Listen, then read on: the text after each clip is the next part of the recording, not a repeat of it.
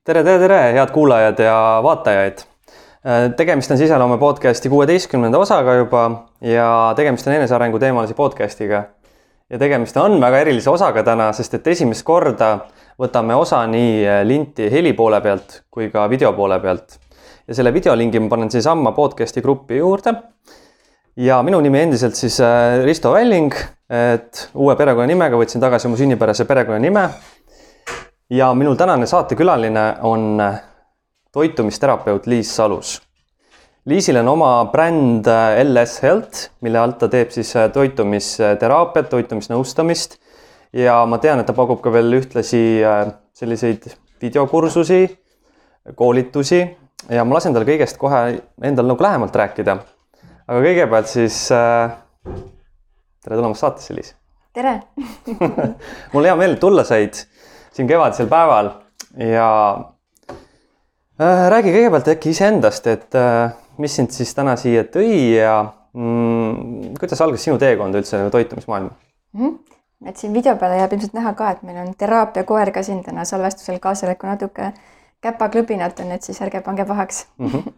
aga jah, et olen siis äh, Liis ja toitumisteraapiaga, toitumisnõustamisega tegelenud viies aasta juba läheb ja sattusin loomulikult läbi iseenda kogemuse sinna ja algas siis minul väga jutumärkides põnevalt see teekond, et kaks tuhat kuusteist lõpp, seitseteist algus, jäin siis väga-väga haigeks ja tõesti siis kolm-neli kuud olin diivanile voodis siruli pika-pika külmetushaigusega ja sealt hakkaski siis see terviseteekond lahti rulluma vaikselt. et kõigepealt olid siis äh,, räägime siis just nagu sellest soolestiku ja tervise seisukohalt diagnoosid, milleks siis olid laktoositalumatus siis läks veel kuni seitse kuud aega ja pidin kõhuvaludes kannatama, kuni ma ise läksin, küsisin siis tsüliaakia diagnoosi endale. ja, ja noh, ärritunud sool ka äh, diagnoositi mul ja selle tsüliaakia küsimisega siis tegelikult äh, jah, et kuna mul oli rauapuudus ja B12 ka madal ja, ja alles siis tõesti teine ja kolmas gastroenteroloog tegi täiendavaid uuringuid, et veenduda selles, ei olnud ka see protsess nii väga lihtne. et kuna tavaliselt tsüliaakia diagnoosimiseks on siis äh, vere seroloogiline test, kus siis vaadatakse, et see transglutaminaasi antikehasid. see on niisugune üldine screening marker siis inimese puhul, kes on siis tsüliaakia kahtlusega mm, -hmm. aga mhm. kes gluteeni endiselt nagu toidus tarbib. ja minul oli see korras ehk siis negatiivne mm.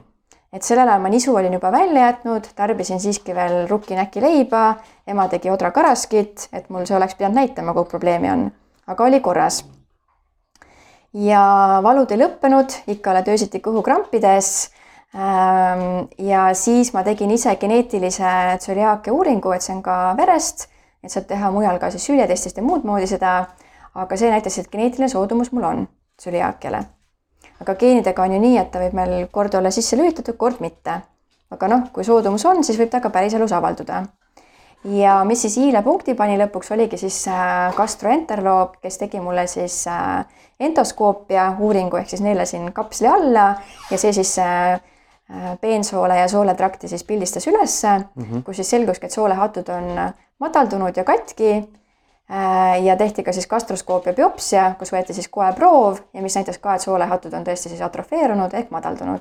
ja kui soolehatud on katki et soole, soolehattude mehhanism on siis meil toitaineid äh, kinni püüda siis soolestikust ja siis äh, toitained imenduvad, eks ju, läbi soolehattude ja viiakse siis teisele poole siis seda sooletrakti vereringesse, et me saaks kätte oma vitamiinid ja mineraalained ja kui see mehhanism on katki, siis tekkis ka mul raua ja B12 puudus mm. -hmm. ja võib-olla midagi veel, eks ju, mis olid uurimata, vitamiinid, mineraalained.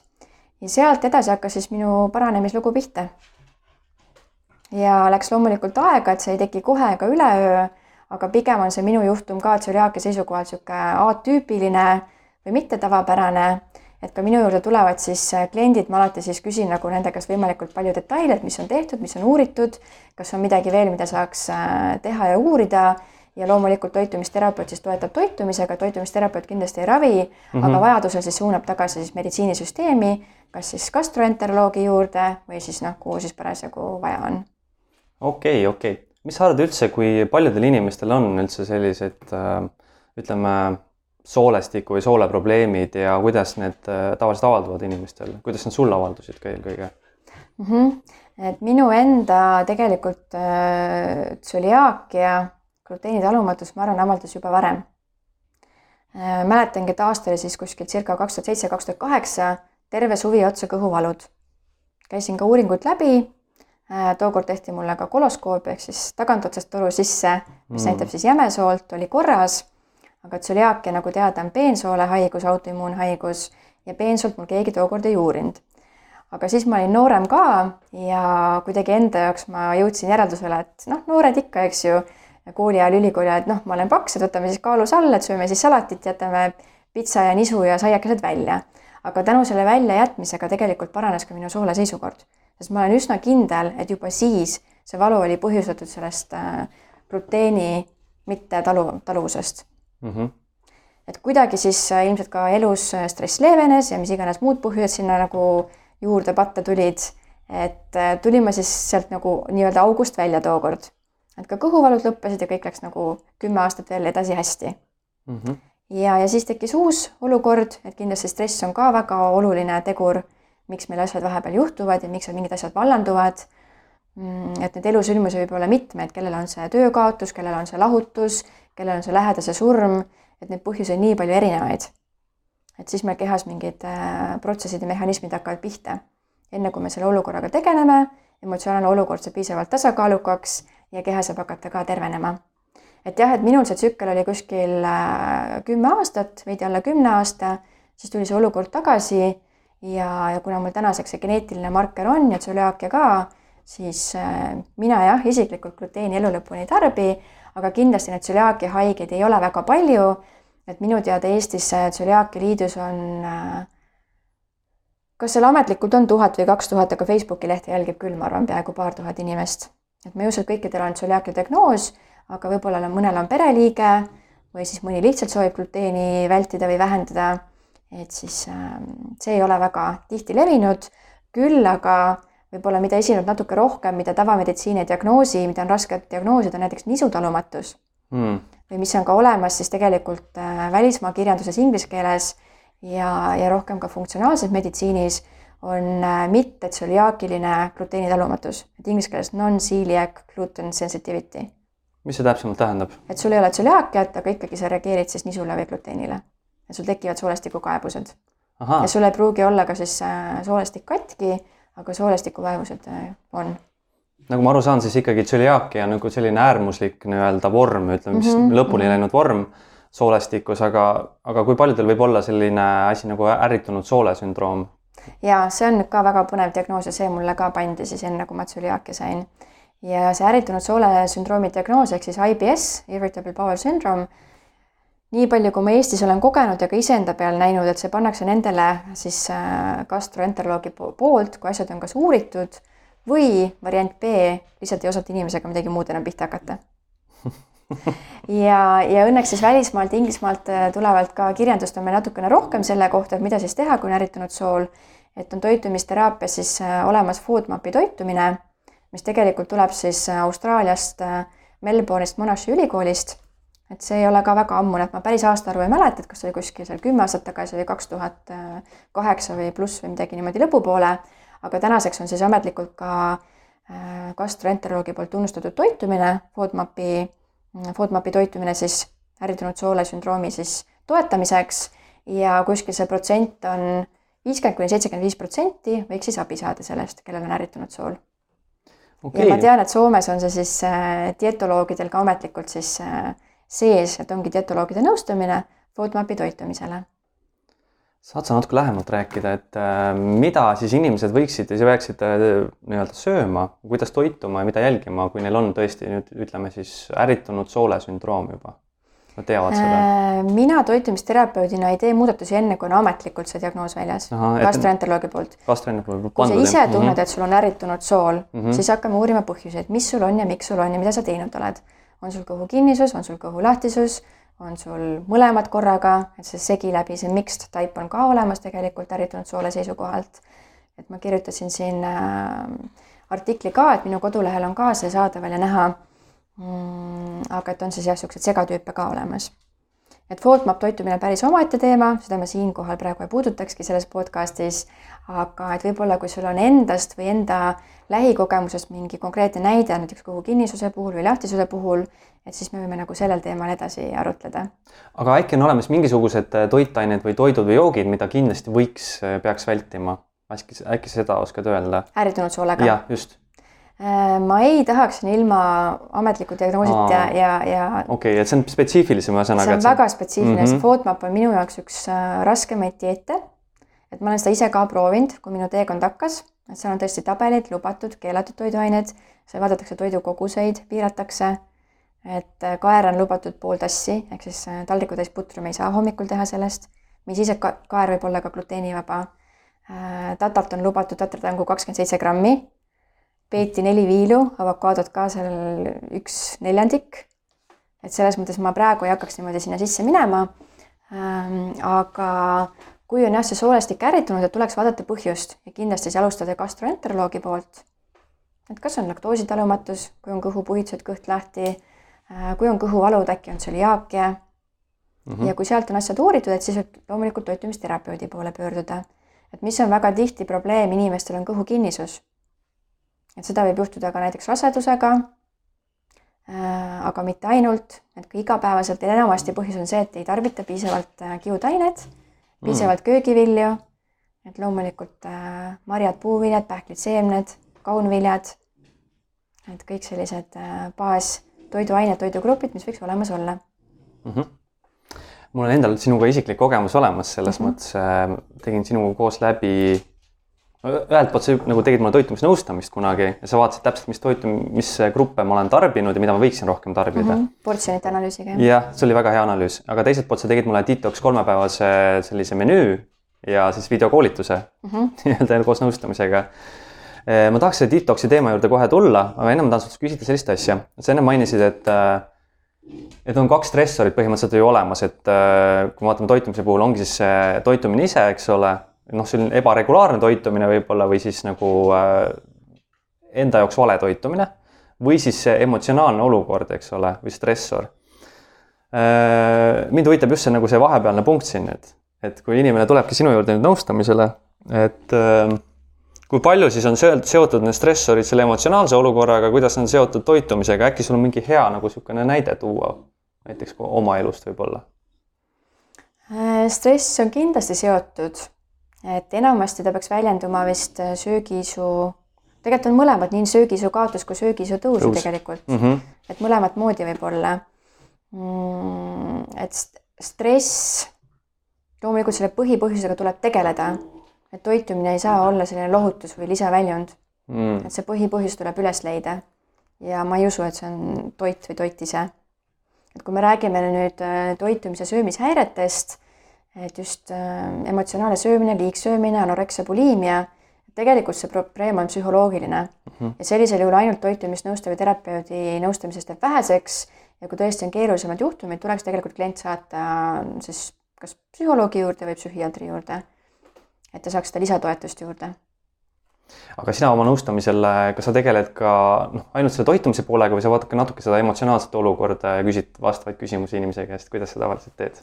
Äh, eks see põhifookus on ikkagi toitumine, et natukene saab äh, küsida ikka, eks ju, inimene räägib ise ka, et kuidas tal olukord on, et saab vihjata, et palun nüüd tegele sellega ka või pöördu sellise spetsialisti juurde mm. -hmm, mm -hmm. et äh, loomulikult see toitumine on ainult üks osa. et minu enda puhul, kui ma vaatan nüüd tagasi, et jah, kuigi see tsüliaakia otseselt on seotud gluteeniga, aga kogu see tervikpilt, mis mul oli ähm, neli-viis aastat tagasi, see toitumine oli kuskil võib-olla kuni viiskümmend protsenti. et siis tekib piir ette et sealt edasi on uni, stress ähm,, noh, keskkond, kõik muud asjad. et toiduga saab teha teatud määrani, aga mitte ainult. ütleme, selline toitumisel on ka paljuski selline toetav funktsioon siis ütleme inimese elus, et kas ta nagu toetab tema siis stressoreid või siis vastupidi, nagu toetab tema sellist loomulikku eluviisi ja sellist mm -hmm. kulgemist. just, et tavaline normaalne terve inimene, kellel ei ole probleeme, võiks süüa kolm põhitoidu korda, kaks-kolm vahepala ja see on mm -hmm. ka mhm. tegelikult siis, äh, mida diabeedikud kindlasti peavad tegema, et oma veresuhkur tasakaalustada. Ähm, et see võiks nagu nii, nii olla. et tihtipeale inimesed kas ei söö üldse või unustavad ära või siis äh, hilisem näide, mis mul just oma lähituttava seast oli, et ta on aasta aega teinud äh, veepaastu ja sööb ainult korra õhtuti. et kaal kukkus küll esimese kuuga kaksteist kilo, et kindlasti toitumisteraapia seda ei poolda. et meie pooldame ikkagi sellist äh, aeglast kaalulangetust, et vahet ei ole, mis on su kehakaal, et äh, ikkagi kolm-neli-viis kilogrammi kuu jooksul võiks olla niisugune optimaalne ja stabiilne mm. -hmm. et niisuguseid ülekaalulisi on ka minu nõustamisel olnud sada kakskümmend kilo, sada kümme kilo, just oli see nädal, möödunud nädal sada nelikümmend kilo meesterahvas. et sellisel juhul, kui on kaksteist kilo korraga kaalukaotust, tekivad ju lotentavad äh, käealused ja muud probleemid, mida me ei taha. et äh, mida aeglasem, seda püsivam ja tegemist võiks ikkagi olla elustiiliga, mitte siis dieediga, mida korraks teeme ja pärast mitte teha et need head valikud võiks ikkagi jääda pikemalt. jah, et oleks elustiil ja mm., aga kaalu langetamine kui selline, et ma olen kuulnud, et äh, see ongi paljuski seotud just äh, toitumisega, et inimene just trenniga ei võtagi nüüd väga palju alla, trenn et selles olukorras vastab see tõele sinu meelest, et trenn on pigem just toetav funktsioon kõrval, aga toitumisega võtab inimese siis enamiku nii-öelda kilodest, lisakilodest alla? Äh, ma olen ise ka just ingliskeelses keskkonnas kuulnud et, et kaheksakümmend protsenti on toidu roll ja kakskümmend on siis harjutused mm. -hmm et äh, kuidas kellelgi, aga toitumisega ka, et nälgimine ei aita. kui meil on äh, keha kala, äh, kui toidu kalaroos on meil tuhat kakssada kalorit päevas ja alla, siis keha läheb stressi, ainevahetus aeglustub ja juba seetõttu me ei suuda kaalu kaotada. Et miks ongi siis nii, et kui inimesed nagu söövad hästi vähe või nälgivad, kardavad hakata sööma siis vastavalt toitumisnõustaja või terapeudi juhistele, milleks on siis kolm korda päevas põhitoidukorrad pluss kaks-kolm vahepala, siis nad kardavad seda, sest toitu on ju palju aga meie toidu sisu ja kvaliteet on ju teine kui mm -hmm. mingisugune pitsa ja Snickers ja McDonalds, eks ju mm. -hmm. me sööme köögivilju, me sööme puuvilju, marju, pähkleid, seemneid, puhast liha, kana, kala, salateid, miks mitte pruuni riisi, et ei pea sööma valget riisi või kartulit, noh, võib süüa ka mõistlikus koguses, eks ju. Mm, et selles mõttes esialgu tekib neil hirm ja see hirm on selles mõttes õigustatud, et äh, kõigepealt võib-olla tulebki kaalu juurde, sest keha on nii palju näljas olnud, nii palju stressis olnud aga see peaks siis nagu noh, ära minema või ära kaduma. keha saab häid toitaineid ja, ja erinevaid toit, neid äh, gruppe, eks ja. ole. Ja meil väga edukas kaaluprogramm oli ka äh, toitumisnõustaja Kairi Tuskiga sügisel, mis on ka meil tegelikult online'is müügis. tegemist on siis viienädalase programmiga äh,, mida saab siis osta ka minu kodulehelt e-poest ja kohe materjalid siis äh, allalaadimiseks. Ja on olemas tavamenüü ja on olemas ka gluteeni kaseiinivaba, kui kellelgi on tõesti vaja.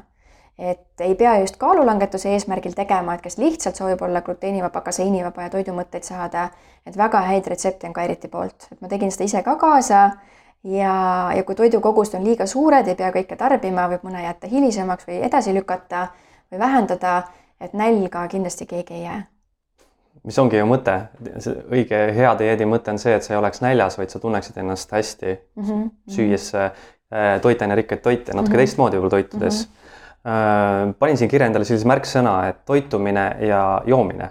Kui palju sina puutud äh, nõustamisel kokku just selle joogi küljega, et kui palju te toitumisnõustajatena õpite seda joogi külge veel? sa mõtled mittealkohoolset või mõlemat? no vot, see ongi nüüd väga üldine küsimus, et äh, jah, ütleme siis mõlemat, et räägi, räägi võib-olla üldisemalt sellest joogikultuurist ja kuidas see käib selle toitumisnõustamise juurde, et kui palju te mhm. soovitate inimestele -hmm. midagi juua? ei, ankeedis me kindlasti küsime nii Äh, joomise kohta, vee, vee ja vedeliku tarbimise kohta, on eraldi küsimused siis kohvi kohta, musttee, taimetee, karastusjoogid, mahlad, et see on kõik väga oluline info ja loomulikult ka mitte ainult äh, joomine ja vedelik, aga ka küsime ka une ja stressi ja, ja, ja mm. füüsilise mm. aktiivsuse kohta mm. -hmm. Mm, tulles nüüd tagasi vee juurde, et loomulikult vesi võiks olla meie joomise alus.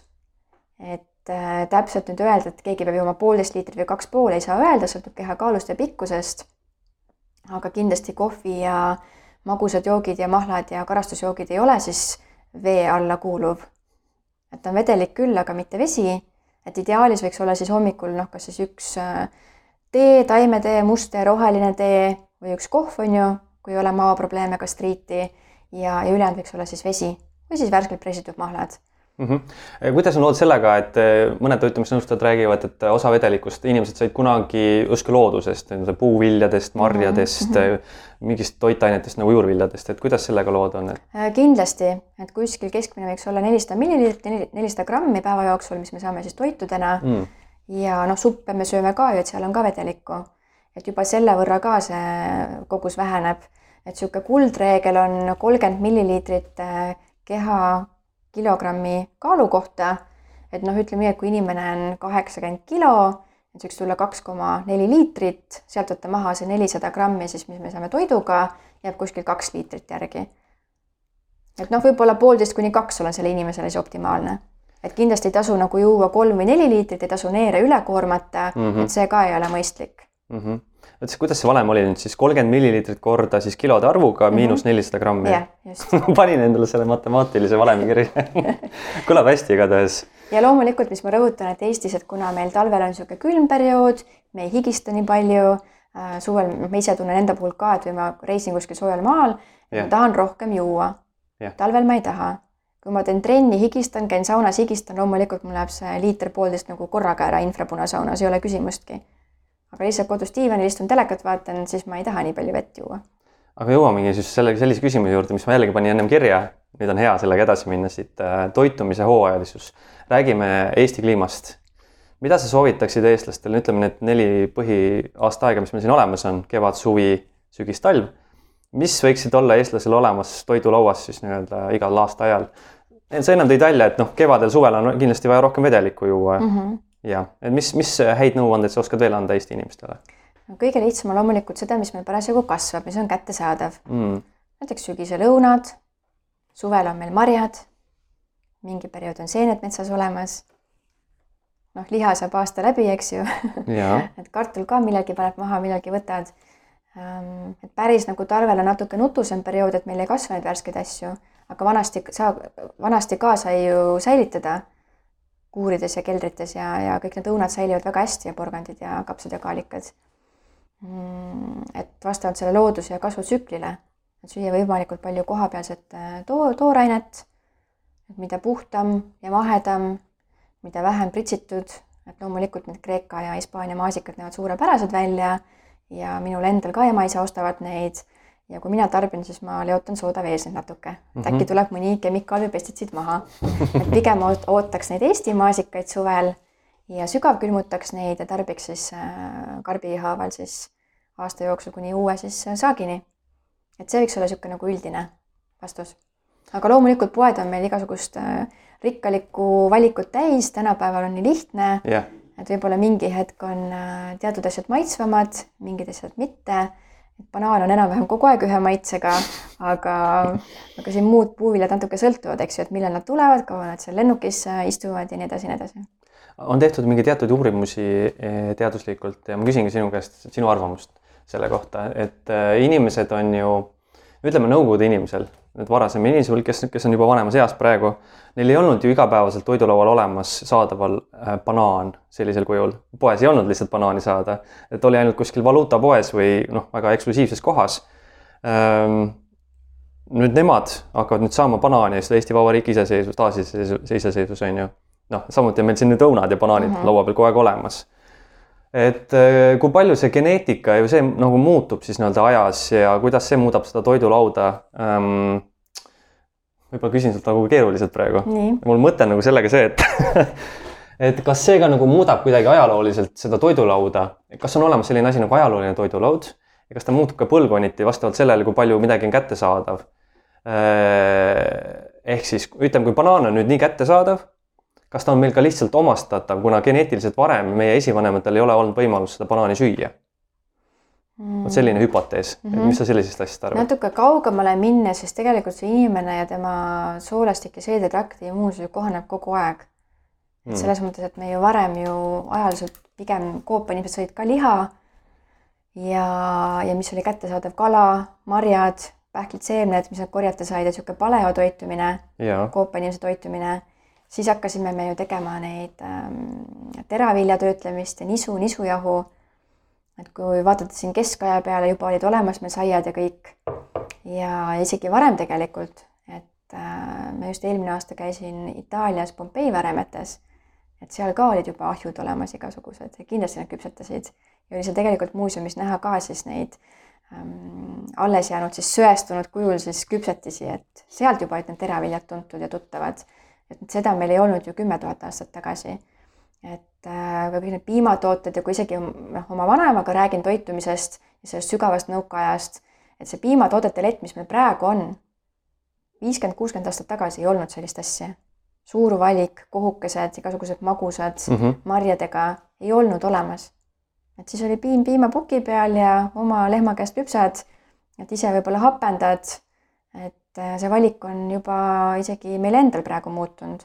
Et banaani koha pealt nüüd äh, ma jään sulle vastuse võlgu, kuidas see keha keemiline ja, ja anatoomiline protsess seal seestpoolt välja näeb, et küll aga banaanis on fruktoosi, puuviljasuhkurt et selle seedimine peaks meil üsna lihtne olema. et ma ei oska sulle rohkem nüüd selle koha pealt vastatagi, et, et eks inimene harjub kõigega ja öeldakse küll jah, aga selle teadusliku uuringu nagu põhimõte oli see, et inimene harjub ikkagi aeglasemalt nii-öelda uute toitainetega. et samamoodi nagu sa ütlesid, piim on ju, et see on nagu kahekümnenda sajandi, üheksateistkümnenda sajandi lõpu, kahekümnenda sajandi selline uustulnuk alles. no piim oli juba varem, aga igasugused nagu kohukesed ja, ja piimatooted ja kõik sellised nagu väga tänapäevases variandis kindlasti ma arvan, et on, on pigem nagu hiljem tekkinud. jah, et selle teooria pooldajad nagu öelda arvavad seda, et siis inimene kohaneb alles kuskil kolme kuni viie põlvega ja et sellepärast ei ole nüüd inimene veel täielikult kohanenud näiteks laktoosiga. Äh, laktoosi koha pealt jah, et see, et me laktoosi, piimasuhkurt suudame tarbida ja omastada, on geenimutatsioon. me ei ole ette nähtud seda tarbima tegelikult. et see ongi see põlvkonnad ja põlvkonnad oleme tarbinud me oleme kohanenud sellega. Et niisugune ametlik või mitteametlik statistika võiks ka olla, et kuskil viiskümmend protsenti tegelikult on laktoositalumatud. et äh, kui vaadata just niisugust nagu hiinlasi või asiaate või, või mustanahalisi, et ega nemad ju väga oma toidule seda piima ei tarbigi, väga harva mm. -hmm. et äh, nemad saavad, e-, eriti just Aafrika hõimud, saavad oma kaltsiumi kätte muudest toitudest, toiduainetest ja väga palju kaltsiumi on ka näiteks tumerohelistes lehtköögiviljades. Ja mitte ainult, et noh, mina ise olen ka piimavabal toitumisel mm, ja minu jaoks on väga oluline ka siis vaadata neid piimavabasid äh, kaltsiumallikaid. et piimavaba on ka selline niisugune jutumärkides kõnekeelne väljend, eks ju, et kaseinivaba ehk piimavalguvaba siis on, on korrektne, kui kõik piimatooted on väljas mm, -hmm. kaasa arvatud kas siis hapukoor, või, juust, äh, jogurtid, eks ju, kõik, kõik, kõik asjad et kes peavad olema siis kasiinivabal toitumisel mingil põhjusel, mm, et siis vajab ümberharjumist. Et laktoos on ainult piimasuhkur, aga siin on piimavalk. et kes on laktoositalumatu, kel ei ole ensüümi laktaasi, et piimasuhkurt äh, siis seedida, võivad siis abi saada kas ensüümidest või siis laktoosivabadest toodetest. aga piimavalku nad saavad ikkagi. kaseiini nad tarbivad ikkagi sellega on veel mingisugused toitained, mis on nagu selline geneetiline mutatsioon, millega inimene justkui varem ei ole kohanenud, aga nüüd on? peale laktoosi veel, ma mõtlen, on veel midagi? Äh, praegu ei vasta sulle ausalt öeldes okay., ei ole uuringuid näinud. ei hakka siin praegu ise välja nuputama midagi mm,. ei olegi vaja ei ole vaja midagi nuputada äh, toitumisnõustamisel, jälle ma lähen selle metodoloog-, metodoloogilise asja juurde, et äh, kui sul inimene tuleb nüüd sinu juurde, eks ole, ta saab nagu noh, nii-öelda vastab küsimustele, siis ta saab endale sellise menüü. kas sa veel toitumisnõustamise juures kasutad veel mingisugust sellist ähm, nii-öelda psühholoogilist metodoloogiat, et tekitada inimestes neist uusi harjumusi. Sest nagu me mõlemad teame, siis uusi harjumusi on üldiselt päris raske ikkagi nagu juurutada mm. -hmm. et äh, on sul äkki midagi iseenda kogemusel näitel, äh, kuidas sa oled mingeid uusi toitumisharjumusi endale juurutanud? mingeid häid nippe ähm,? no uute harjumustega jah, et see kuskil kakskümmend, kakskümmend üks päeva läheb aega, et sellega harjuda Mm, ja loomulikult, kui tuleb klient, kes enne ei ole toitumisega väga tegelenud, siis äh, kasvõi väikeste sammude haaval pihta hakata. et kõike korraga ei pea tegema, kõige vaba korraga ei saa olla. Siis peab ikka väga ekstreemne juhus olema seal hunnikuga autoimmuunhaigusi ja muid valusid ja allergiat ja nahalööbid, et siis nagu tõesti väga ekstreemseks minna. siis on inimesel endal ka kindlasti palju motivatsiooni sisemist, et seda teha. just, just, et tegelikult noh, kuna mina olen terapeut ja minu juurde tulevad ikkagi probleemidega kliendid ja suurte probleemidega kliendid, siis nemad on ka motiveeritud ma mäletan, kui ma oma mm. kooliõpingute alguses oli vaja teha siis äh, esimesel kahel õppeaastal nelikümmend praktikaklienti, siis oma tuttavate seas tasuta nõustamisi teha oli tegelikult päris raske tagantjärgi mõelda. sest nemad ei ole huvitatud, nad ei ole motiveeritud, nad sind ei kuula, nad sind ei usu. aga nii, kui sai ametlikult nagu tööd hakata tegema ja, ja päris nagu haigeid ja probleemidega inimesi vastu võtma, kes tahavad muutust teha, see on hoopis teine pilt tegelikult aga nüüd ka oma tuttavad tegelikult kuulavad rohkem ja näevad. see on huvitav. selles mõttes on jaa, väga põnev, et noh, näevad, et jah, et tegelebki ja teebki ja tulevadki kliendid ja saavad abi ja et äkki nüüd kuulaks ka natuke, vaataks, mõtleks midagi. see on praegu kusjuures inspireeriv näide praegu sellega, et äh, jätka ikkagi sellega, mida sa armastad, tee seda nagu ja siis inimesed lõpuks äh, pöörduvad võib-olla ringiga sinu juurde tagasi mm. -hmm. nähes, et sa oled ikkagi südamega asja juures, teed enda jaoks õiget asja ja nüüd oled ka veel nagu läbinud koolituse ja noh, palju rohkem kogemusi all ja nii edasi mm. -hmm. Aga kõige suuremad õpetajad on kindlasti kliendid. ja see on nii müstiline, kui see ei ole, see juba eelmise aasta lõpust ma märkan, et kui tuleb mingi teatud probleemiga tuleb neid hunnik korraga. vähemalt kolm, sama või sarnase asjaga kolm-neli-viis tükki. Hmm.. väga lühikese perioodi jooksul, et mina võtan seda kui enda vaimset õpetajat kuskilt, ma ei tea kuskohast, eks ju, et kui sa nagu kuuled sama juttu kolm korda järjest, viis korda järjest, okei okay,, et mul on äh, gastriit, maaprobleemid, soolestik on kahtlane, gastroenteroloog soovitas mulle piparmündikapsleid, need mulle ei sobi, järgmise kliendi käest kuulen jälle, siis noh, see jääb endale ka meelde, see infokild et jah, piparmündikapsaid soovitatakse ärritunud soolega, aga kliendid räägivad, et kui neil tõesti mao limaskest on nii õhuke ja, ja gastriit on, siis ei ole mõtet võtta seda toodet, kui ei sobi mm. -hmm. et äh, jah, et siin toidutalumatustega seoses on mitusel väikelasti ema järjest olnud väga sarnaste probleemidega kilpnäärmega ähm,, jah, ongi need mao, maoprobleemid, gastriidid, refluksid, ülekaalud. Praegu on just viimase kuu jooksul mehi tulnud järjest, et see on nagu nii äge selles mõttes, et loomulikult toitumisterapeut äh, võib-olla kõikide probleemidega ise ei ole pädev tegelema, et mõne jaoks on vaja ka funktsionaalse taseme terapeuti või funktsionaalse meditsiini arsti, et siis ma kindlasti suunan edasi õige siis äh, spetsialisti juurde, kui minu pädevus lõpeb ja kui toitumisega on näha, et see piir tuleb ette see on muidugi hea kliendi seisukohast, et sa mm -hmm. väga oskad kuhugi edasi minna, muidu tekib selline pettumus, et okei okay,, mis ma nüüd peale hakkan selle asjaga. ei olegi asi pettumuses, näiteks üks klient oli möödunud aasta, kes soovis hakata oma kilpnäärme probleemiga võtma bioidentset hormooni, mis on looduslik, aga mida Eestis ei ole, mis on välismaal olemas. et kindlasti toitumisterapeudil ei ole pädevust panna ravimeid peale või võtta neid maha, aga mm. ma sain soovitada talle siis äh, arsti, kelle juurde siis pöörduda, kellega võib-olla on võimalik see läbi arutada kui seda peetakse mõistlikuks, sest välismaal tehakse, inimesed saavad abi ja noh, mina ütleks siis nagu kõrvaltvaatajana, et lootus võib ju olla, eks ju. et kui sa leiad spetsialisti, kes sind toetab ja jälgib su protsessi ja vereanalüüse, loomulikult tuleb proovida. Kõik algab ikkagi ju sellest lootusest, et äh, on lootus paranemisele, tervenemisele. see on inimesel mm -hmm. ikkagi selline süstitud optimism sees, ütleme niimoodi, et muidu ta mm -hmm. nagu ei otsiks ju abi aga tulles veel su küsimuse juurde tagasi, see motiveerimine ja, ja, ja eesmärgid ja uued harjumused, et äh, jah, et kõige raskem minu enda jaoks ongi needsamad kaaluinimesed. et ma näen, et nad tahavad, nad näivad motiveeritud välja, aga mingi hetk nad murduvad, eriti just naisterahvad, kus see ülekaalu on seal sada kilo, sada kakskümmend kilo ja pluss. et kas hirmutab ära see esimese või teise kuu kaalutõus mõni kilo, kuna hakatakse sööma et meesterahvastega ei ole nagu nii raske, et kui nemad eesmärgi võtavad, nad teevad ja jätkavad ja saavad tulemusi. et, et seal ma tunnen, et niisugune nagu coaching, et ma ei tea, kas sina coach'ina tegeleksid selliste asjadega või oled sa rohkem nagu ärialastele äh, suunatud? Metodoloogia on sama, põhimõtteliselt mm -hmm. on võimalik ka kaalu langetamist coach ida mm -hmm. väga hästi yeah. või kaalu tõusu ka samamoodi yeah et seal ma näeks, et niisugune nagu psühholoogiline ja mentaalne coaching oleks nagu palju olulisem juurde võtta, kui ainult toitumisnõustaja või terapeudi juures käia et mina saan rääkida ära teooria mm, -hmm. aga see on vaja ka ära teha ja uskuda endasse ja jääda selle juurde. no sellepärast ma sult uurisingi, et kas sa oled ise nagu sellist coach ivat asja juurde õppinud, et see on kindlasti nagu mingi asi, mis on nagu alati pluss nõustamistöö juures mm. -hmm. nagu psühholoogia, positiivne psühholoogia ja käitumispsühholoogia ja nii, nii edasi, nii edasi mm. -hmm aga võtame nüüd uue teema, avame täiesti nüüd Pandora laeka, võtame detox'i teema, kevade teema. räägi detox'ist üldisemalt ja ma tean, et sul on detox'i programm endal, räägi ka sellest. jah, et see detox on siis, äh, ei ole meil veepaast, ei ole nälgimine, ei ole smuutitamine, ei ole supitamine. meil on siis äh, taimetoidu rikas menüü ja sina ise tegid selle ka läbi, mis tuligi äkki aasta aega tagasi möödunud mm -hmm. kevadel ja sina oledki siis nii-öelda katsejäneste grupis kus me seda programmi kokku panime.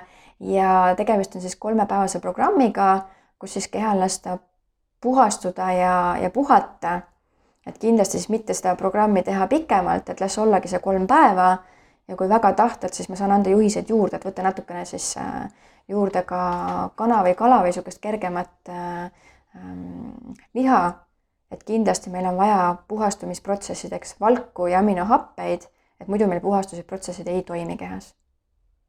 et selles mõttes ma isiklikult ei poolda veepaaste.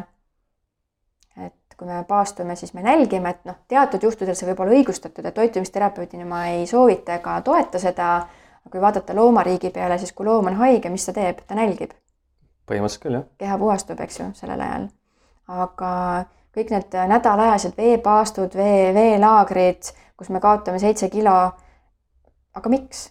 see tuleb ju pärast tagasi. see ei ole püsiv elustiil. et ma ise olen kunagi teinud läbi savipaastu, neli päeva. see ei olnud lihtne, aga ma sain hakkama, et see oli siis savi pluss psüllium kokku ja, ja kuna ta paisus et tegemist oli siis koralliklubi äh, tootega, et ma ise ei ole edasimüüja ja kindlasti ei soovita kellelegi, jagan seda oma kogemust praegu.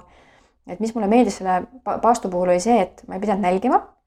see savi ja psüllium paisus ja ma sain neli korda päevas süüa seda pakki hmm.. see oli siiski raske, aga ma tegin selle ära, et enda puhul päris veepaastu ma ei kujuta ette.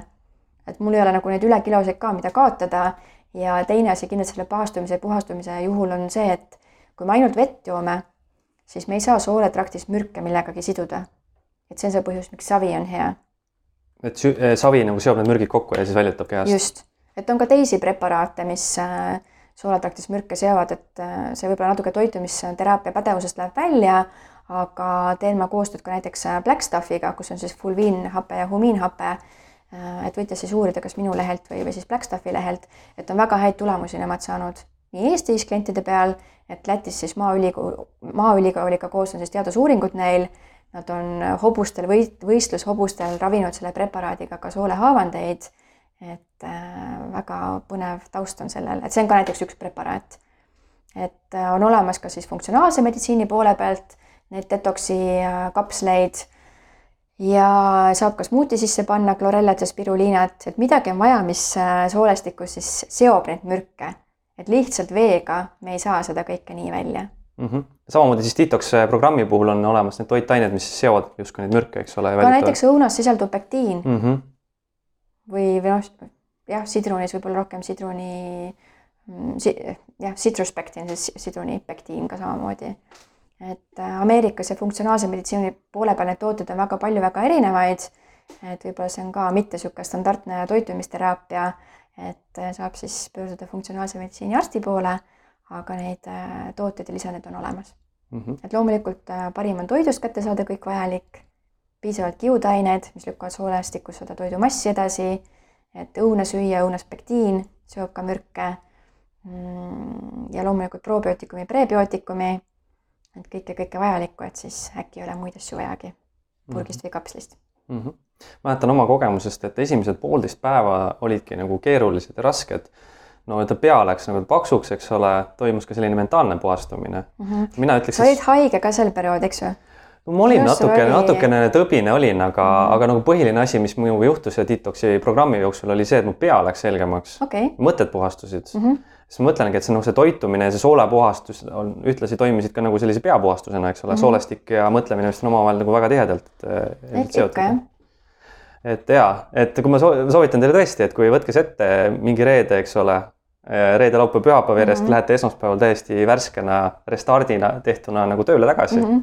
et seda võib küll teha ja korra, korra kvartalis, et see Detoxi taimetoidurikka programm on siis ka olemas e-poes ja kodulehel, saab samuti ka sealt kohe osta ja kohe materjalid tulevad siis allalaadimiseks ja programmidel ma üritan ka videojuhendeid anda, et kas siis mingi Facebooki grupiga liita, kinnise grupiga või siis äh, muud moodi siis jagada seda videojuhendi retsepti, et kuigi asjad on siis nagu iseseisvaks läbimiseks, aga noh, kasvõi kümme tundi, viis äh,, kümme tundi, kümme minutit, viisteist minutit niisugust nagu videojuhendit nagu start alustamiseks, et mis see programm on, kuidas see välja näeb, kuidas sa ennast tunned, kuidas nagu asjad peaks välja nägema, et ma arvan, et see on väga-väga vajalik, et äh, kaaluprogrammil ma täitsa kohe liidan selle olemasoleva kinnise grupiga, et seal on meil lausa kohe viie tunni jagu materjali viis korda oli meil neid mhm. salvestusi mm, -hmm. et mis on glükeemiline koormus ja, ja kõik muud tervislikud vahepalad ja, ja, ja ka FODMAPi programmil, mis on ärritunud soolega, on, on see väike kickstart juhis olemas ja detoksiga samamoodi siis. ja meestele ütlen kohe julgustuseks ära, et nagu kunagi ma arvasin, et noh, ma ei saa võib-olla söögi tegemisega hakkama, on ju, nende asjade puhul. aga tõesti, sa nagu kirjutasid päris hea menüü ja lihtsa menüü et äh, poest olid kõik asjad saadaval ja ülilihtsasti, kiiresti sai need asjad ikkagi oma kätega valmis tehtud mm. -hmm. kuigi ma ei ole nüüd eriline söögitegija just mm. -hmm. et saab ostunimekirja alusel minna poodi, ära osta kõik asjad kolmeks mm -hmm. päevaks või noh, kui on pikem, pikem programm, siis nädalaks, eks ju. ja kõik retseptid ja menüüd on olemas. põhimõtteliselt ainuke asi, mida vaja on, noh, keedupott ja pann on meil ikka olemas, eks ju, ja külmik, et noh, blender või saumikser on küll asi, mida on igas programmis vaja, et et see ka enamasti on olemas või saab osta seal paarikümne euroga, et. jah, see on vajalik investeering ka toitumise puhul, soovitan tõesti -hmm. soetada selle, kui veel ei ole just. ja olid seal programmis näiteks, mis sa ise tegid, et meil oli küll peedikotlet, eks ju seal, aga sina improviseerisid ja tegid peet pluss äh, porgand ja siis sul sai peet täitsa otsa ja siis tuli sul järgmine päev veel porgandikotlet. et see oli ka väga vahva improvisatsioon. Need olid kusjuures kõige maitsvamad selle programmi juures, mäletan siiamaani, et äh, tavaliselt mulle meeldib snäkkida õhtuti mm -hmm. niimoodi teleka kõrvale või siis arvuti kõrvale ja see oligi snäki asemel õhtuti, aga tervislik snäkk mm, -hmm. detox snäkk mm. -hmm. anname, paneme teise käigu sisse, nüüd räägime natukene vegan taimetoidu menüüst et noh, väga paljud inimesed on siin läinud üle siis kas, kas siis äh, puhta taimetoidu peale või vegan menüü peale. millised oleksid sinu soovitused siis või millised on nagu siis nii-öelda erisused võrreldes tavamenüüga, mis sa peaksid nagu veganite taimetoitlaste puhul jälgima ja mida sa soovitaksid neile ikkagi nagu siis südamele panna, olgugi et mm -hmm. nad on taimetoitlased või veganid äh,? number üks, minge vegan.ee kodulehele ja lugege materjale. väga head infot on kokku pandud. Neil on mm. ka oma toitumisnõustajad, kes on ise ka veganid et mina olen jah, pigem niisugune taimetoitlane, kes ikkagi sööb muna ja kala ja linnuliha ja et mina kindlasti vegan ei ole. kui keegi tahab olla vegan, kas siis eetilistel kaalutlustel või muul põhjusel, see on okei okay,, aga kindlasti peaks vaatama, kust saab kätte kõik asendamatud aminohappeid, need on kaheksa tükki. sealsamas vegan.ee lehel on väga hea materjal koos, et missuguseid kaunvilju süüa, missuguses koguses, pähkleid, seemneid ja kõike muud et peast muidugi ei hakka praegu ütlema, et noh, a la, et kolmsada grammi hummust ja kakssada grammi sojaube, et siis saab kõik kätte, et seal vegan lehel on siis kõik see materjal olemas, et kindlasti vaadake ja tege-, noh, tegelege selle, selle alusel mhm. mm. -hmm. et mina isiklikult veganlust ei poolda, et loomulikult äh, mida loomi vähem tappa ja, ja rohkem siis kulub meil põllumajanduseks ka seda maad ja vett ja kõike, ma saan sellest aru mm,. küll aga kuna ma ise olen tõesti selle tsüliaakia ehk põletikuse soolehaigusega ja minu puhul teatud äh, olukordades või väga kehvas seisus mul ei jää muud varianti, kui süüa loomset pluss juurikaid, et mul teravili läheb kõik välja väga hulludel momentidel, et siis minu jaoks lihtsalt ei ole varianti. et küll aga, kui saada nüüd kätte kõik aminohapped ja, ja soovida vegan olla, saab olla ka väga tervislikult, et küll veganitel võib puudu jääda B kaheteistkümnest, et äh, kes nüüd alles muutuvad veganiks ja kontrollivad aasta-kahe kolme pärast oma B kaksteist võib seal nagu paigas olla, aga see võib olla ka siis meie nendest äh, vanadest reservidest mm.. kehal on mingid B kaksteist reservid olemas nii-öelda? Äh, mind on koolis õpetatud jah, et kuni viis aastat. et siis kindlasti võtta lisandit juurde mm -hmm. või on ka niisugused siis taimsed äh, toidud või piimad, kus on siis B kaheteistkümnega rikastatud või siis äkki on võimalik aeg-ajalt siis süüa natukene kala või mahemuna või midagi, et vegani puhul ilmselt nagu see ei ole hea mõte, on ju. aga, aga miks mulle isiklikult see veganlus endale ei meeldi, on see, et nad võtavad isegi näiteks mee välja. kuna mesi tuleb ju mesilase käest, kes on pigem niisugune loom. jah, aga algmaterjal on ikkagi taimne mm,. aga ta on läbi loomse selle noh töötlemise või produkti, et see mesilane ikkagi käib ja toimetab, et see on ka loom, vaata, kes oma energiat panustab. Et see nagu mulle hästi ei mahu pähe. taimed ütles okei okay., et, et nii palju, kui loomi ei tapeta, eks ju, et me saame ikkagi ju muna kätte, nii et me kana ei tapa ja ja kes saab piimatooteid tarbida, piima ja keefiri ja juustu, kõike seda, me ei tapa looma. et, et see nagu mahub isiklikult minu eetikasse natuke rohkem pähe mm. -hmm, et mm, -hmm. et see mee väljajätmine on jah, minu jaoks niisugune väga suure küsimärgi, et aga, aga miks see nagu paha on seda ma kuulsin praegu esimest korda kusjuures. ja, ja, ja see on väga ekstreemne, aga see on päris puhas sada protsenti veganlus sellisel kujul, et ühtegi asja ei puutu. et veganlusel ja taimetoitlusel ongi see vahe, et veganid ei tarbi ei mett ega juustu ega piimatooteid ega ka noh, muna. aga taimetoitlus on see, et me looma ei tapa, see on see põhimõte mm. -hmm, mm -hmm. mina kaldun pigem selle taimetoidu poole, aga ikkagi mm -hmm. ma natuke veel liha söön, et olen läinud taimsema toidu peale, ütleme nüüd aja jooksul no nagu ma aru saan, siis sinagi oled näinud natukene taimsema toidu peale rohkem. Äh, jah, et üldiselt, kui nüüd vaadata niisugust keskmist profiili, siis meil kipub olema tavainimesel liha ja loomset noh, kolm korda, kaks korda kindlasti päeva jooksul menüüs. minul endal, ma arvan, et korra päevas tuleb kindlasti, olgu see siis munana või kanana või kalana, midagi ikka tuleb mm. -hmm. aga ei pea iga päev loomset üldse sööma, kui on muu toit tervislik. ma olen nõus sinuga täiesti.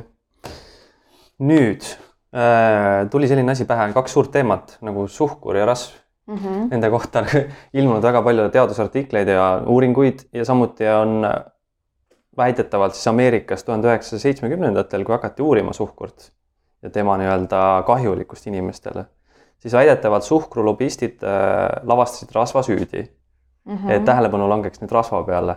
No muna ja kolesterooli, kolesterooliga on umbes sarnane teema olnud, on ju. et seitsmekümnendatel, noh, ma praegu ei mäleta, kuidas pidi ta oli, et üks aastakümnend oli hea, siis kaheksakümnendatel ei olnud, üheksakümnendatel oli, et, et see on kogu aeg jälle muutunud, on ju et nüüd on vist praegu ikkagi uuringud niimoodi, et äh, üks muna päevas on okei okay või üle päeva süüa üks või kaks muna. kuidas rasvaga lood on, ütleme, on rasvad nagu erinevaid liike loomulikult mm, -hmm. äkki räägid sellest natuke lähemalt ja millised rasvad on head? ja, head rasvad on head. Head rasvad mis on hea rasv yeah.? hea rasv on loomulikult äh, rasv, mis on siis äh, toiduaines, mis on looduslikult eksisteeriv, näiteks nagu avokaado mm., oliiviõli, oomega üheksa rasvhapped Äh, näiteks rasvased kalad, kus me saame oomega kolme, mis on väga vajalik, et see on oluline ka näiteks äh, põletikuliste seisukordade vähendamiseks. me saame oomega kolme. Äh, oomega kuut on meil ka vaja, pähklites näiteks.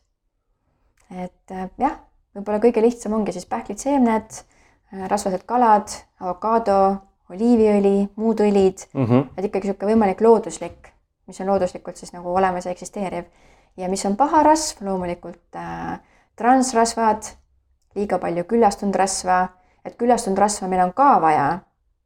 aga tihti toimub ületarbimine, et meil on vaja ka kolesterooli. et kolesterooli saame munast ja küllastunud rasva me saame loomsest. Et loomne on kõik noh, liha, ongi muna, kala, juust, kohupiimad, et meil on loom, loomset ja küllastunud rasva ka vaja, aga õiges ja mõistlikus koguses võib-olla jah, need transrasvad ja siuksed koogikesed ja, ja need ei ole nagu kõige targem valik. jah.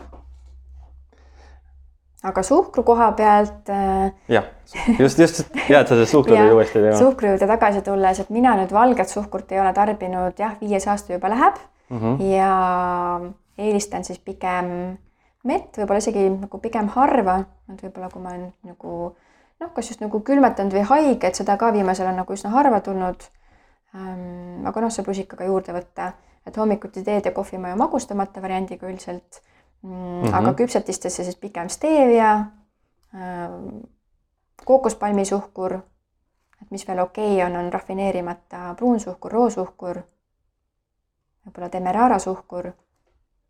et äh, saab natuke rohkem vita-, vitamiine ja mineraalaineid kätte et valge on ju meil rafineeritud, sealt on kõik kasulik eemaldatud, et see kehtib nii valge suhkru puhul kui ka valge rafineeritud nisujahu puhul. Ja kes on siis kuulnud või lugenud Adik Levini raamatuid mm, -hmm. et tema ütleb, et kolm kõige suuremat mürki ongi valge suhkur, valge nisujahu ja noh, piimatooted või siis magusad piimatooted mm. -hmm sa rääkisid steeviast ja sellest kookospalmi suhkrust, eks ole mm, -hmm. ja et kas nende valikutel on mingisugused kriteeriumid, mis on sinu jaoks olulised, et mida peab nagu silmas pidama justkui äh,? üldiselt mitte. Et kui on pakendil ikka kirjas kookospalmi suhkur, siis ikkagi saad seda, mis sa ostad mm.. et küll pruuni suhkruga tasuks vaadata, et see ei ole värvitud äh,, pruuniks värvitud valge suhkur.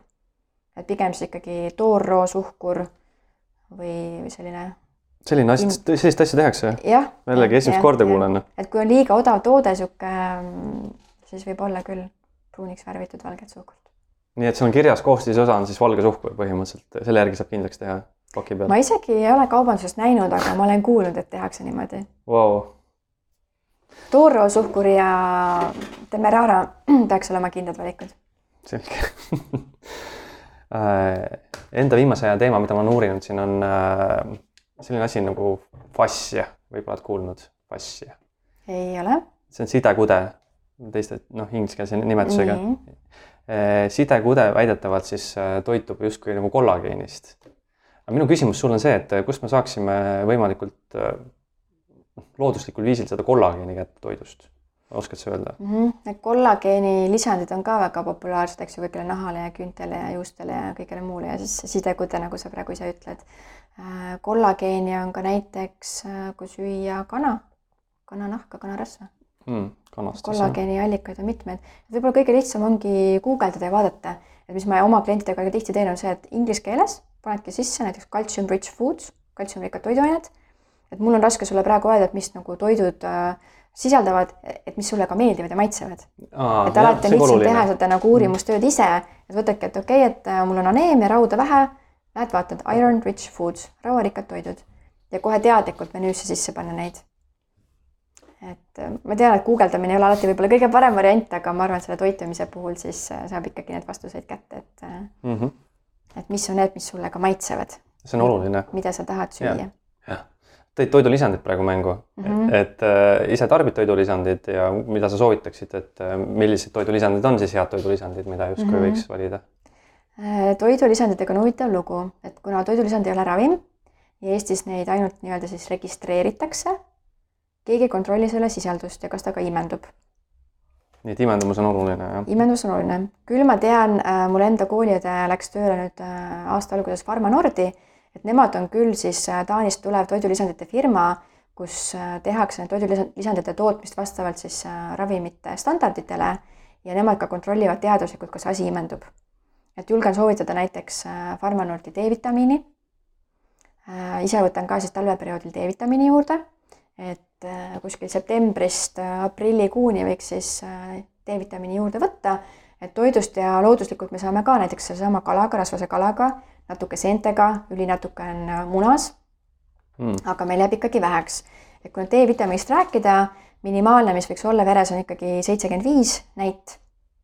ja just seesama klient, keda ma enne mainisin, kes seda veepaastumist teeb ja korra päevas sööb, ma ei ole elu sees nii madalat näinud, kolmekümnendates meesterahvas, D-vitamiin oli üheksateist. Wow.. ma ei ole ühtegi sellist juhtumit varem näinud, et kindlasti lisan peale. Et suveperioodil me võiks ikkagi saada päikesest kätte ja kui on näiteks igapäevaselt lihtsalt nägu ja käed, viisteist minutit päikse käes, võiks see nagu norm täis saada. nüüd, äh, kui õnnestub äh, reisimas käia talveperioodil, et ma just ise käisin ka Egiptuses ja kaks nädalat hiljem tegi siis D-vitamiini testi, et nii palju, kui mina lugenud olen, et see suveperioodil ja ka reisilt tagasi tulles, päiksereisilt tagasi tulles see näit Ehm, või D-vitamiin siis võiks olla kuskil kuu aega võiks siis nagu kehas olemas olla need varud ja salvestuda mm. -hmm. ja minu näitaja oli sada nelikümmend. üle, sada on siis niisugune maks põhimõtteliselt? ei, maks on, mürgistus on kuskil kakssada viiskümmend, kolmsada. et optimaalne võiks olla ikkagi seitsekümmend viis kuni sada viiskümmend, kakssada, alla kahesaja viiekümne kindlasti mm. -hmm. et see sada nelikümmend on minu jaoks väga hea näitaja. kuigi ma panin seal päiksekaitsefaktoriga kreemi ja kõike muud, et ta ikkagi noh looduslik viis on ikkagi kõige parem variant. ja nüüd kuu aega ma lisandit ei võta, sest ma tean, et mul need varud on ja varsti on meil ju ka maikuu, juunikuu, see hakkab päevitama mm. -hmm. et ja uuesti vabas õhus liikuma, jalutama, et ma arvan, et mina enne septembri-oktoobrikuud kindlasti ei, ei võta lisandit. Äh, teistest lisanditest, mis ma ise võtan, üldiselt ma pean ütlema, mulle lisandid ei meeldi. üldiselt ei meeldi? et pigem nagu toidust kätte saada. et kui nüüd on ikkagi klient, kellel on aneemia mis mul, minul, minul ka, eks ju, oli enne tsüliaakia diagnoosi saamist ja kuna ma ise punast loomaliha pigem ei tarbi, harva, siis ma aeg-ajalt võtan juurde rauatablette mm. -hmm. et väga tore on ka klientidelt kuulda ja õppida uute toodete kohta ja mis on saadaval apteegis ja, ja mujal. Et ostsin siis mina ka kliendi käest kuulduna, siis äh, oli Nökeli äh, rauapreparaat mm. -hmm. et vahest siis mõne võtan seda ka juurde. et oomega kolme pigem katsun kalast saada Mm, ei võta lisandina juurde ja noh, kui on niisugune külmetus või, või talvine periood, et võib-olla natuke C-vitamiini, tsinki keha toetamiseks, immuunsuse toetamiseks, aga noh, need on pigem niisugused ebastandardsed ja minu isiklik nagu äh, järeldus, kuidas mina saan keha toetada, et seda ma niimoodi kõigile ei, ei soovitaks mm. -hmm, mm -hmm. et tuleb ikkagi teada, mida ja miks võtta pigem ütleme siis, kui inimene tuleb sinu juurde nõustamisele, siis sa pigem nagu ikkagi lähtu sellest toidulisandist, vaid üritad ikkagi nagu tavatoitumisega nii-öelda saada kätte kõik toitained siis. jah, et D-vitamiin kindlasti, kui tal talveperiood on ja näit on madal ja aneemia rauapuuduse puhul ka lisandepreparaat peale. Mm, aga muudel juhtudel peab jah vaatama, et mida ja miks hoiatas ka, et äh, raua liigtarbimisel võivad olla vastupidised äh, tagajärjed ju, ma olen kuulnud. ja, ja minul endal ka, mulle soovitati siis saja milligrammist Retaferi äh, neli-viis aastat tagasi, kui ma olin siis aneemik ja minul tekkisid peapööritused, soolestikukaebused mm., auto kõrval istujal ma istuda ei saa, mul oli paha olla, pea käis ringi ja nii kui ma selle preparaadi vahetasin välja, siis väiksem, et päevane norm naistel on siis neliteist ühikut rauda. Ähm, et selles mõttes ei pea võtma sada ühikut. et ta natuke sõltub, meestel on vähem ja, ja võib-olla rasedatel imendajatel ka natukene teine number, et saab igaüks järgi vaadata siis, mis mis see õige kogus on. et midagi me saame toidust ka. aga mulle siis sobis jah, väiksem kogus ja pigem looduslik lisand kui, kui see saja milligrammine Retefer.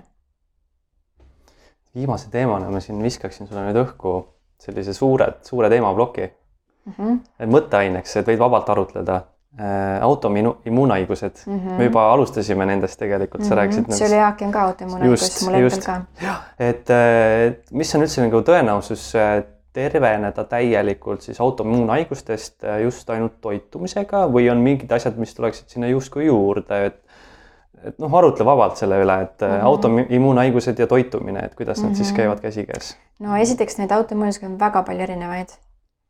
sinna kuskil saja kandis ja pluss mm. -hmm. ja noh, minul tsüliaakia, peensula autoimmuunhaigus kindlasti ei avaldu, kui ma olen gluteenivaba. ja tsüliaakia haige puhul väga oluline on ka ristsaastumist jälgida. ehk siis tavatoidupoest mina ei osta tatra helbed, riisihelbed, mis on siis äh, Helen või Tartu Mill mm -hmm. tootjate omad, et kuna nemad töötlevad ka teisi gluteeni sisaldavaid teravilju samadel tootmisliinidel mm, -hmm. et siis mina ostan neid märgistusega. või noh, kui ma tean, et see toode on kuskil võib-olla Aasiast tuleb, eks ju, valge riis, et noh, tõenäoliselt neil ei ole seal nisujahu samal töötlemisliinil, et siis ma nagu neid tooteid tean, mida ma saan tarbida. Mm, teiste autoimmuunhaiguste puhul on see ampluaa on väga lai, võib olla kilpnäärmeprotsess autoimmuunhaige ähm, et see on tõesti hulgiskleroos, multiskleroos. no need on väga palju erinevaid mm. -hmm. et kindlasti toitumisteraapiaga on võimalik toetada, aga see on väga individuaalne siis, kuidas läheneda. et ähm, oled sa kuulnud inimesi või inimeste lugusid, kes on siis nii-öelda autoimmuunhaigusest justkui tervenenud äh, toitumisega, toitumise muudatusega äh,? välismaal küll. Eestis ei ole, jah? Eestis äh, noh, kuna minu praktika on jah, pigem nagu viis aastat, mis on ikkagi üsna selline noh, ei saa öelda, et lapsekingades, aga alles nagu mm -hmm. kogun seda kogemust, eks ju mm, -hmm. et et kindlasti kümne-kahekümne aasta pärast ma saan palju rohkem rääkida. Äh, küll mul on nippe ja strateegiat, mida jagada, mida proovida, aga noh, ongi siis pigem individuaalne lähenemine sellele ja ütleme, et ajaline perspektiiv on ka ikkagi ju laiem ja suurem, on ju, et me ei saa mm -hmm. nii, nii kiiresti autoimmuunhaigusega justkui võidelda ja sellest lahti mm -hmm. saada viie aasta perspektiivis, et mm. -hmm et äh, välismaalt küll on edulugusid, et ka näiteks, et see nüüd kindlasti läheb toitumisteraapia kontekstist välja, ma lihtsalt räägin jällegi, mis ma lugenud ja kuulnud olen mm. -hmm. et äh, doktor Schwank äh, on näiteks üheksakümmend protsenti hulgiskleroosiga oma toitumisega juba nelikümmend, viiskümmend, kuuskümmend aastat tagasi põhineb põhimõtteliselt paleotoitumise peale ja üheksakümmend protsenti inimestest sai, sai abi sellest. et kas see asi just ära kadus, ma ei usu aga kui ta läks remissiooni või kergendas nende seda seisukorda, siis see on juba väga suur ju abi selles mõttes. sest sageli see haigus hakkab just nagu hullemaks minema, et seda on vaja justkui mm -hmm. kõigepealt ju pidurdada või mm, -hmm. ja on ju. järjest äh, tuleb ka ravimeid peale, eks ju, ja uusi ravimeid mm -hmm. ja ka oma lähituttava käest isiklikku kogemust olen kuulnud, et see küll ei ole Eestis, see on äh, kas see tuli Lõuna-Aafrika Vabariigis, kui mäletan õigesti, et on ka uued ravimid ja, ja aitavad ja läheb paremaks et loomulikult, et toitumisega kõike ei tee, et tuleb proovida võimalikult laia valdkonda ka toitumise väliselt teha. et olgu selleks siis ravimid või mingi muu mehhanism. et loomulikult äh, tuleks otsida abi ka alternatiivsematest asjadest nagu stressileevendus, kelle jaoks joogat, kelle jaoks meditatsioonid, et ähm, keha võimalikult laialt toetada, mitte ainult toiduga või ravimitega mm. -hmm aga autoimmuunhaigused on väga suur teemaplokk, selle jaoks võiks olla eraldi eraldi podcast'i. Ja, ja jah, et toitumisterapeut pigem siis need ka äh, teatud juhtudel suunaks siis edasi funktsionaalse meditsiini arsti poole. või siis koostöös lihtsalt teha, kui funktsionaalse meditsiini arst on siis äh, selle profiili läbi käinud, leidnud sobivad lahendused, et siis koos toitumisterapeudiga leida siis see optimaalne lahendus. ja kui nüüd Ameerika poolt juurde tuua, et äh, ja funktsionaalset äh, meditsiini ja funktsionaalset toitumist, siis ähm, üks mõiste, millega tihti kokku puutub, on gut, lekkiv sool. et meie mm -hmm. Eesti tavameditsiin võib-olla väga seda veel ei tunnista ega tunnusta. aga võib-olla mõni asi saab alguse siis sellest lekkivast soolest mm. -hmm. Et selle jaoks on ka olemas siis mehhanisme, mida toimetada mille, millega siis on võimalik vaadata. lekkivat soolt on võimalik siis tegelikult ju tervendada või ravida põhimõtteliselt toitumisega? toitumisega toetada, toetada., et äh, funktsionaalses meditsiinis on testid, näiteks mm -hmm. sonulin on üks marker, et Eestis seda te kuskil teha ei saa, välismaal saab, et sonulin ei ole ainuke marker, seal on veel markereid, küll aga nüüd seesama Synlabi toidutalumatuse test, mida ka toitumisnõustajad, terapeudid vahendavad, ka mina kaasa arvatud, et seal see üldskoor natukene võib sellele lekkivale soolele viidata kui ta on ikkagi seal tuhat, kaks tuhat ja väga kõrge, siis noh, midagi nagu on toimumas, et see soolehatud ei ole, tiheliidused ei ole siis piisavalt nagu tihedad, et lekivad siis toidu, äh, toidumolekulid võib-olla vereringesse, mille vastu siis tekivad nii-öelda need äh, IgG reaktsioonid. et kui me mõtleme ka seda, et me sööme loomset äh, valku sisse, mis on siis aminohape, mis lagundatakse peptiidideks ja kui suuremad peptiidi osakesed lähevad siis, lekivad nii-öelda vereringesse et võib sealt tõesti siis tulla see valgete vereliblede siis IgG reaktsioon. tegemist ei ole allergiaga, tegemist on talumatusega, nendest on raske aru saada ja talumatus võib võtta aega kuni seitsekümmend kaks tundi. et kui me täna sööme mingit toitu, täna kaebusi ei teki, aga võib-olla homme-ülehomme see asi mm. annab märku. et selles mõttes ähm,. nii hilja annab märku? ma ei teadnudki seda varem mm. -hmm. Et kui täna süüa nisujahu pitsat, et võib-olla see hoopis ülehomme annab sulle kaebuse. et sõltub, kui tundlik sa oled, kui puhas on su organism kui üldiselt, kui inimesed on gluteenivabad ja kaseinivabad ja, ja võtavad siis mingi asja sisse, kas kogemata või uuesti ja see asi ei sobi, keha annab väga kiiresti märku mm. -hmm. just suurepärane, Liis. aitäh sulle selle aja eest, mina sain täna väga palju targemaks, ma sain nii palju uusi asju teada, mida ma varem ei teadnudki neid. ja ma loodan, et kuulajad said samamoodi. lõpetuseks küsingi sinu käest, et on midagi, mida sa soovid võib-olla veel kuulajatega jagada, mõni nõuanne või mingisugune mm -hmm. hea nipp siia lõppu, millega soovid lõpetada tänase esinemise mm? -hmm. et kuna me siin natuke seda toidutalumetest äh, puudutasime, kes nagu väga palju abi saavad, äh, on tegelikult äh, väiksed lapsed või beebid, kes on nahaprobleemidega või lausa kohe kärnas ja ei aita mm. Allergiatestid midagi ei näita või välja ei tule või siis hormoonkreemid ei aita või ema ei soovi kasutada, et ka läbi selle ema toidu, et kuna laps on rinnapiimal veel et väga hästi saavad abi ja nahk läheb puhtaks. et äh, sellisel juhul soovitaks tulla, aga muidu, kes soovib lähemalt siis lugeda minu kohta, võib vaadata mu Facebooki lehte, toitumisterapeut Liis Salus, minu koduleht lshealth.eu ja on olemas siis e-poes ka programme, mida saab osta passiivselt iseseisvaks läbimiseks. ja alati võib tulla nõustamisele, kui on mingi isiklikum küsimus või soov mm -hmm. arutada ja huvi pärast võib teha ka siis ju toidutalumatuse testi või, või soolestiku mikrobiomi testi. et infot on olemas ja Instagramis ja. on mul ka gluteeni ja kaseiinivabasid toidupilte seal viissada, kuussada pluss. et kes soovib siis toidu inspiratsiooni, et alati piltidel on siis väike tekst, et see on küll Insta, Instagram inglise keeles mul, aga et saab siis lugeda, et millega tegu on. aga suur tänu teile ja kuulmiseni siis järgmistel kordadel ja aitäh sulle, Liis. tšau. nägemist